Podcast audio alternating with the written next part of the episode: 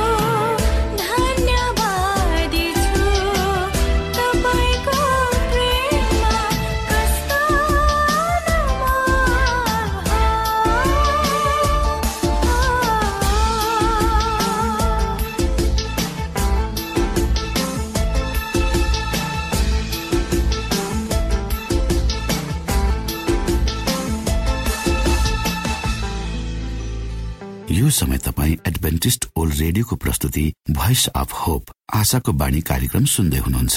श्रोता मित्र यो समय हामी पास्टर उमेश पोखरेलबाट आजको बाइबल सन्देश सुन्नेछौ। श्रोत साथी न्यानो अभिवादन साथ म तपाईँकै आफ्नै आफन्त अथवा पास्टर उमेश कुमार पोखरेल परमेश्वरको वचन लिएर यो रेडियो कार्यक्रम मार्फत तपाईँहरूको बिचमा पुनः उपस्थित भएको छु। मलाई आशा छ तपाईँ आफ्ना दिनहरूलाई परमेश्वर सँगसँगै अगाडि बढाउँदै हुनुहुन्छ। श्रोता आउनुहोस् तपाईँ हामी केही समय आज पनि परमेश्वर सँगसँगै बिताउ। आजको प्रस्तुतिलाई पस्कनुभन्दा पहिले परमेश्वरमा अगुवाईको लागि बिन्ती राख्नेछु। जीवित जिउँदो महान दयालु परमेश्वर प्रभु हामी धन्यवादी छु यो जीवन र जीवनमा दिनुभएका प्रशस्त आशिषहरू यो रेडियो कार्यक्रमलाई म तपाईँको हातमा राख्दछु। यसलाई तपाईँको राज्य र महिमाको प्रचारको खातिर यो देश र सारा संसारमा तपाईँले पुर्याउनुहोस् ताकि धेरै मानिसहरू जो अन्धकारमा छन् तिनीहरूले तपाईँको ज्योतिलाई देख्न सक्नु बुझ्न सक्नु। त्यसबाट तपाईँको महिमा होस्। आमा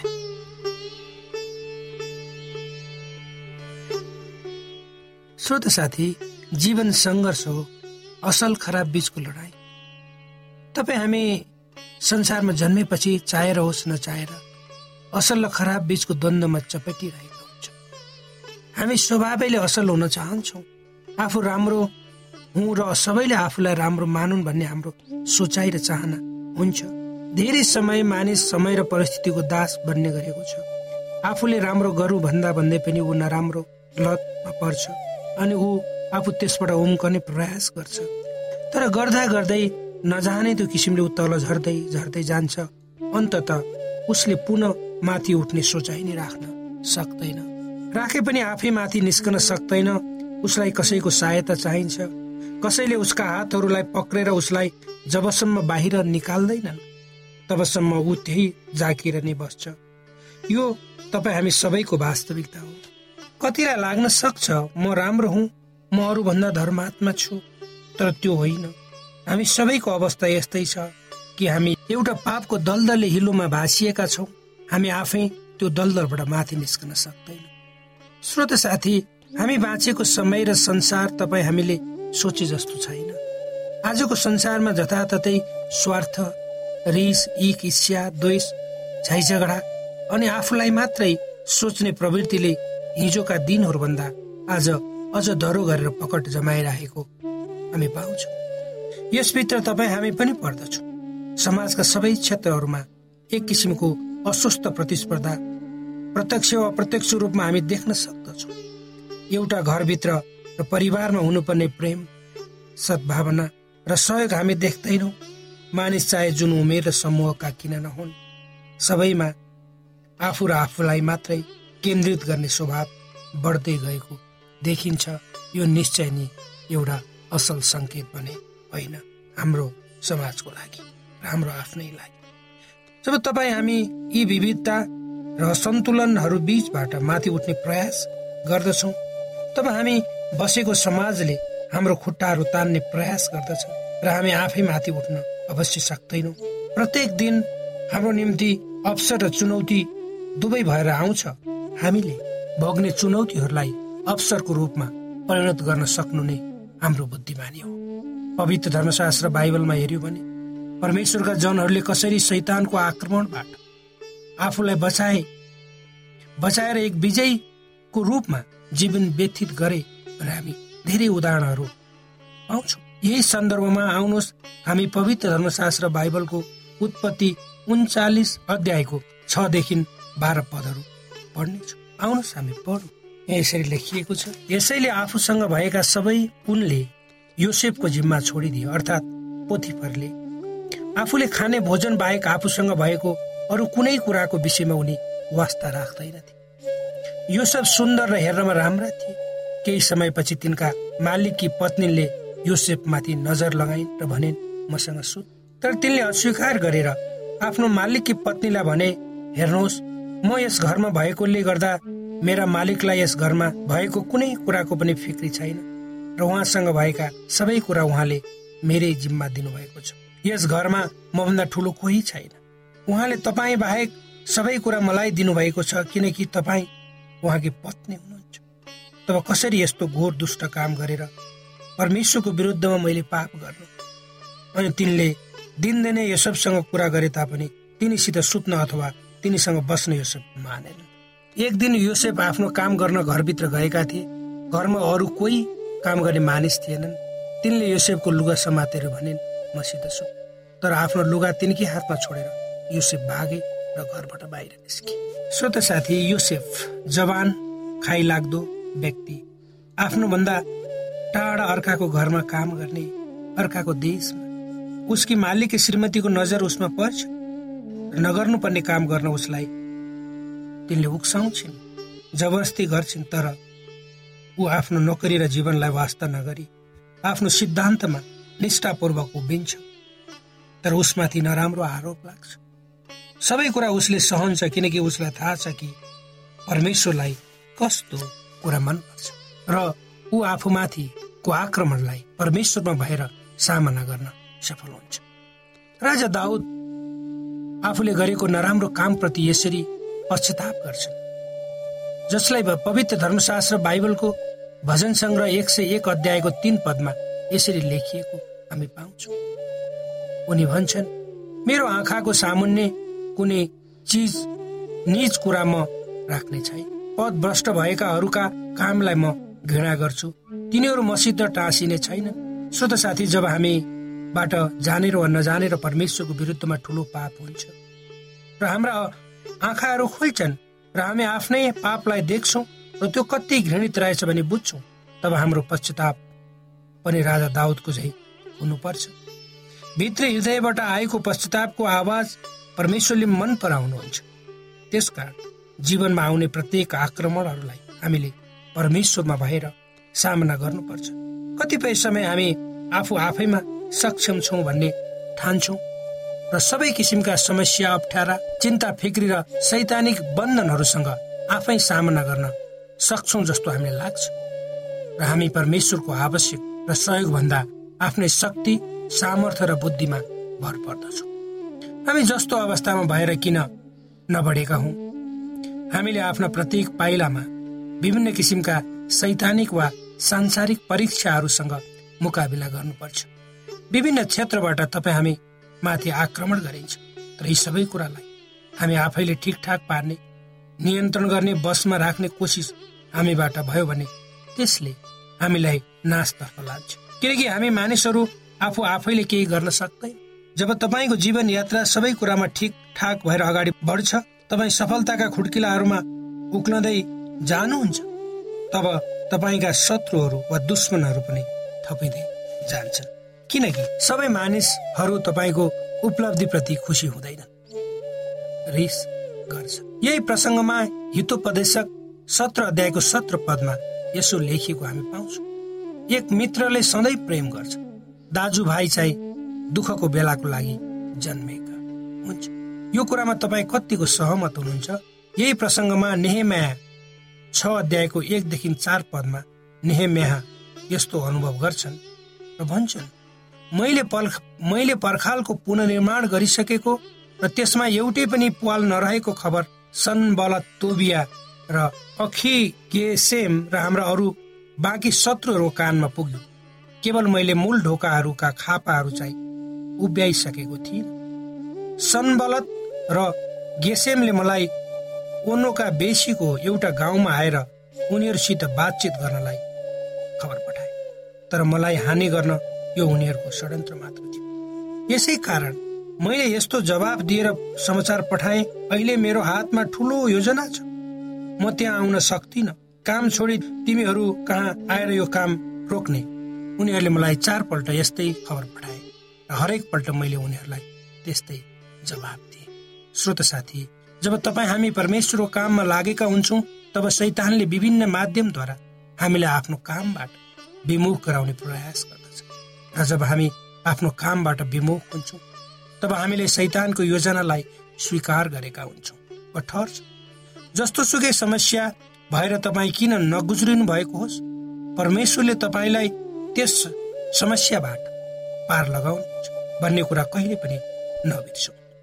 तपाईँले आफ्नो जीवन बिताउने क्रममा आफ्नो लक्ष्य प्राप्तिको मार्गमा विभिन्न किसिमका मानिसहरूसँग विभिन्न किसिमका मानिसहरूसँग सामना गर्नुपर्ने हुन्छ। ती मानिसहरू मध्ये एक वर्गका मानिसहरू हुन्छन् जसलाई हामी आलोचक भन्छौँ वा भन्दा हुन्छ जब तपाईँ कुनै काम सुरु गर्नुहुन्छ यी वर्गका मानिसले तपाईँले थाल्नु भएको कामको बारेमा औंला उठ्याउँछ। र विरोध गर्छ तर पछि गएर जब तपाईँ आफ्नो लक्ष्यमा सही किसिमले अगाडि बढ्दै जानु भएको देख्छ तब आफ्नै हातहरू तपाईँको निम्ति सहयोग गर्न उठाउँछ। दोस्रो वर्गका मानिसहरू यी मानिसहरू सावधानी युक्त मानिस हुन्छ। जब तपाईँ समस्यामा हुनुहुन्छ तिनीहरूले तपाईँसँग आफ्नो सम्बन्ध टाढा राख्छ।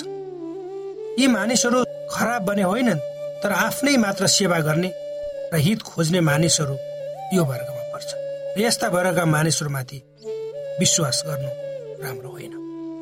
र तेस्रो वर्गका मानिसहरू जसलाई तपाईँले आफ्नो जीवनसँग भेट्नुहुन्छ वा सङ्गत गर्नुपर्ने हुन्छ यी वर्गका मानिसहरू आफ्नो वचनमा प्रतिबद्ध हुन्छन् र उनीहरू सबै कुरामा मद्दत गर्न तयार हुन्छ यसकारण आफ्नो जीवन यात्रामा यस्ता वर्गका मानिसहरू चिन्नुहोस् र उनीहरूद्वारा आफ्नो जीवन चलाउनुहोस्। किनकि यस्ता मानिसहरू तपाईँको निम्ति परमेश्वरका उपलब्धिहरू हुन्। परमेश्वरले यी वचनहरूद्वारा तपाईँलाई आशिष दिउन्।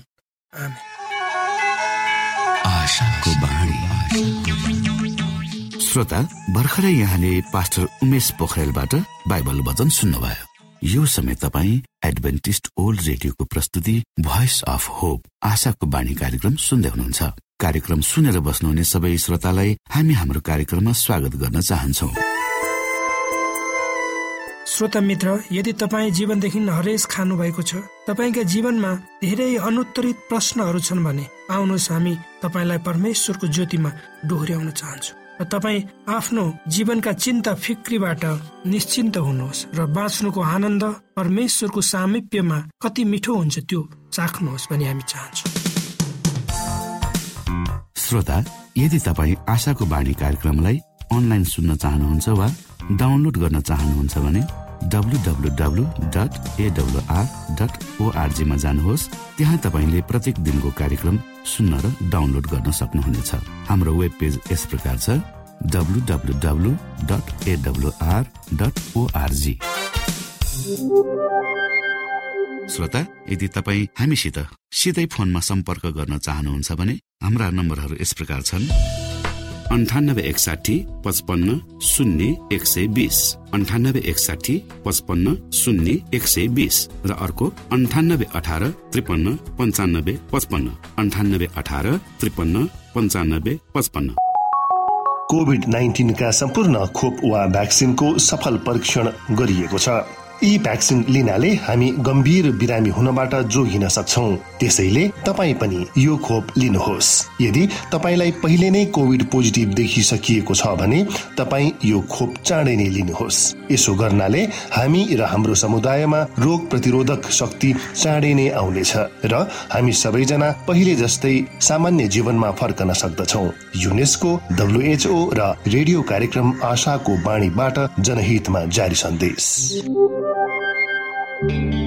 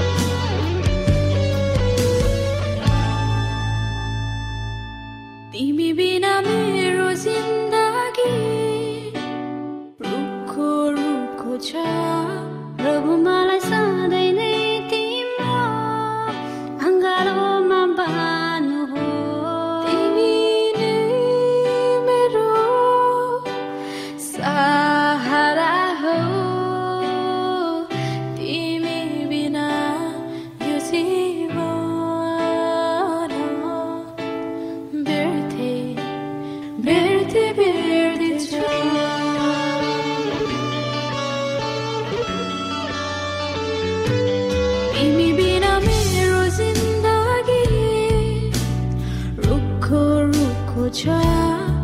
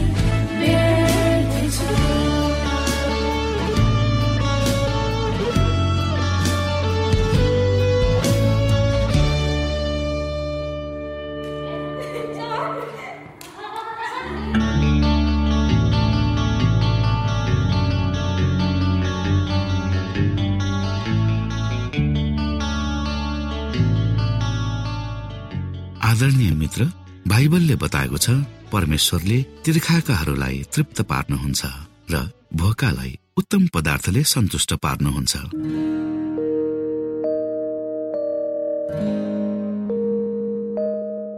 हामीलाई दिइएको यो छोटो समय आशाको बाणीको प्रस्तुतिको समयमा हामीले हाम्रा श्रोताको आत्मिक भोकलाई केही मात्रामा भए तापनि सही प्रकारको खोराक पस्केर आत्मिक सन्तुष्टि दिन सकेका छौँ केही ऊर्जा थप्न सकेका छौँ भनेर हामीले आशा राखेका छौँ।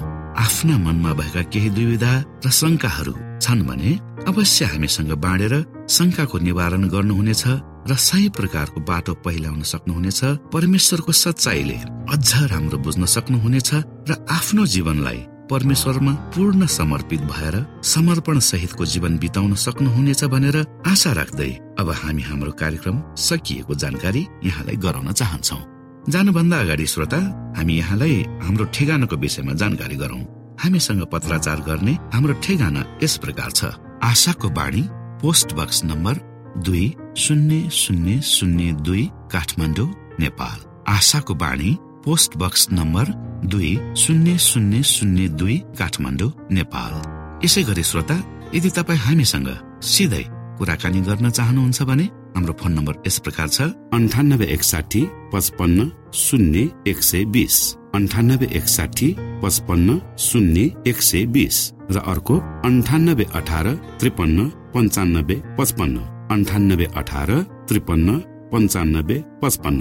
हामीलाई इमेल पनि गर्न सक्नुहुन्छ।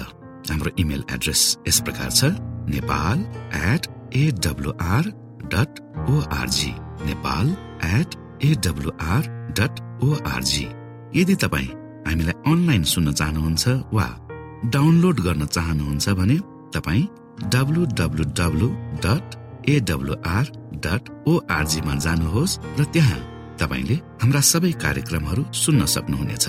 हाम्रो वेब पेज यस प्रकार छ